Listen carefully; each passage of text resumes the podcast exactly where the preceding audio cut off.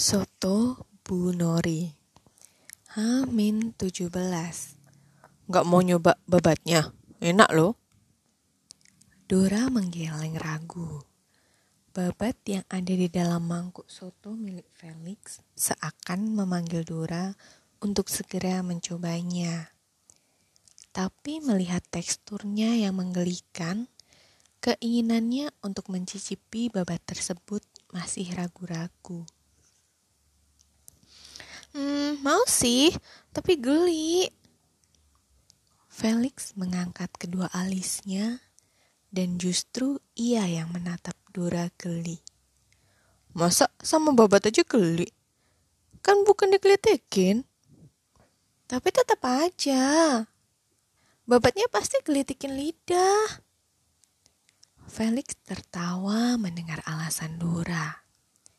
Saat ini, mereka sedang menikmati sore di sebuah restoran yang menyediakan soto dengan resep terbaik dan berbagai macam pilihan. Terserah deh. Tapi gue saranin, lo bener-bener harus nyoba soto babat ini. Enak loh. Babatnya tuh nggak amis, nggak kalah sama soto daging. Dora terkikik melihat Felix yang dengan ekspresif seakan memberi testimonial. Dan sekarang lo mirip pembawa acara wisata kuliner. Eh? Felix tertegun dan kini tersenyum. Mungkin udah saatnya gue ngegantiin Pak Bondan jadi pembawa acara wisata kuliner. Wah, nggak semudah itu. Pak Bondan Gak mungkin segampang itu nyerahin kerjaannya ke amatiran kayak lo. Felix menjitak pelan kening Dora.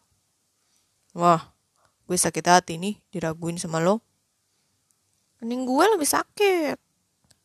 Sungut Dora pura-pura cemberut lalu ikut tertawa bersama Felix. Sore ini mereka lewati dengan mencicipi berbagai macam soto yang tersedia di Soto Bunori. Membuat Dora pada akhirnya bersumpah akan cuti mencicipi soto dalam waktu yang tidak ditentukan. Rasanya tidak mak tiga mangkuk soto nyaris empat. Satu mangkuk akhirnya berdua dengan Felix benar-benar membuat Dora kenyang dan puas. Ia mencoba soto dengan berbagai macam kuah dan racikan. Jalan dulu yuk sebentar, nurunin makanannya nih. Dora mengiyakan ajakan Felix, dan mereka berdua berjalan keluar dari restoran tersebut.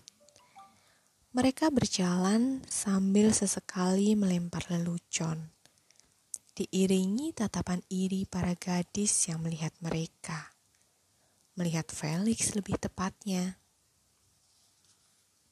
Ra, mau nemenin gue ke suatu tempat gak? Dora menghentikan langkahnya di atas trotoar. Ke mana? Tanyanya penasaran. Ke makam Olivia, mau. Tapi kalau nggak mau, ya nggak apa-apa. Jawab Felix cepat Takut Dora justru merasa tidak nyaman dengan ajakannya. Namun, Dora justru tersenyum lebar dan mengangguk semangat. Yuk, gue mau kenalan sama adik lo. Felix tersenyum. Senang mendapati gadis seperti Dora bisa bersama dirinya.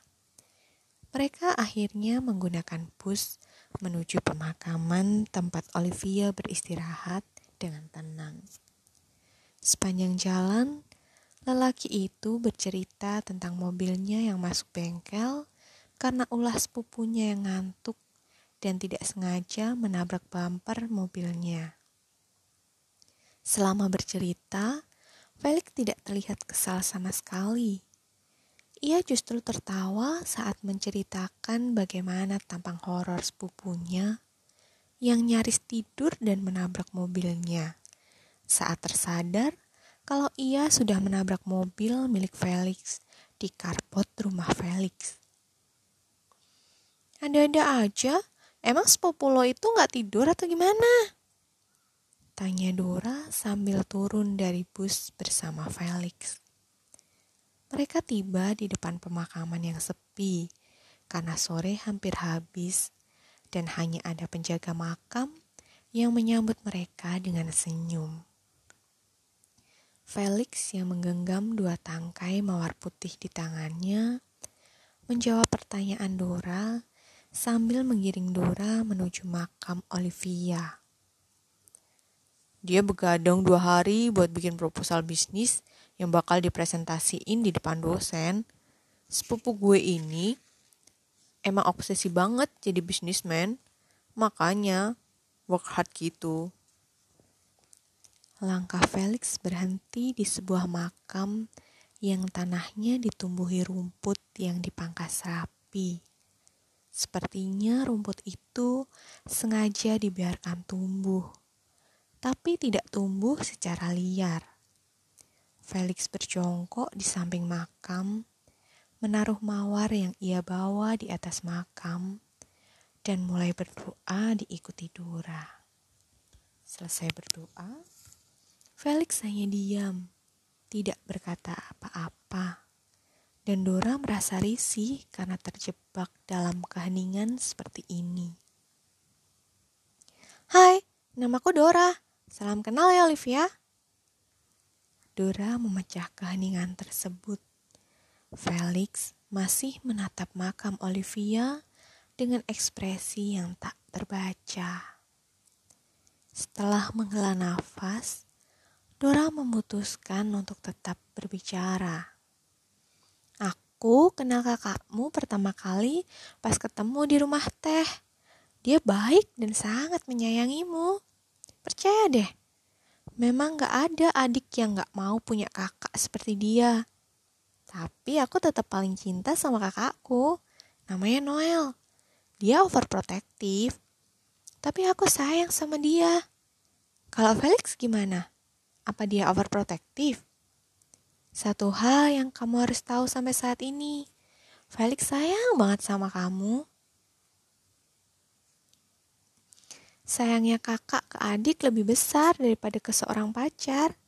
Jadi, walaupun nanti Felix punya pacar, walaupun nanti Felix menikah, kamu tetap harus percaya. He always loving you. Maaf kalau aku banyak ngomong.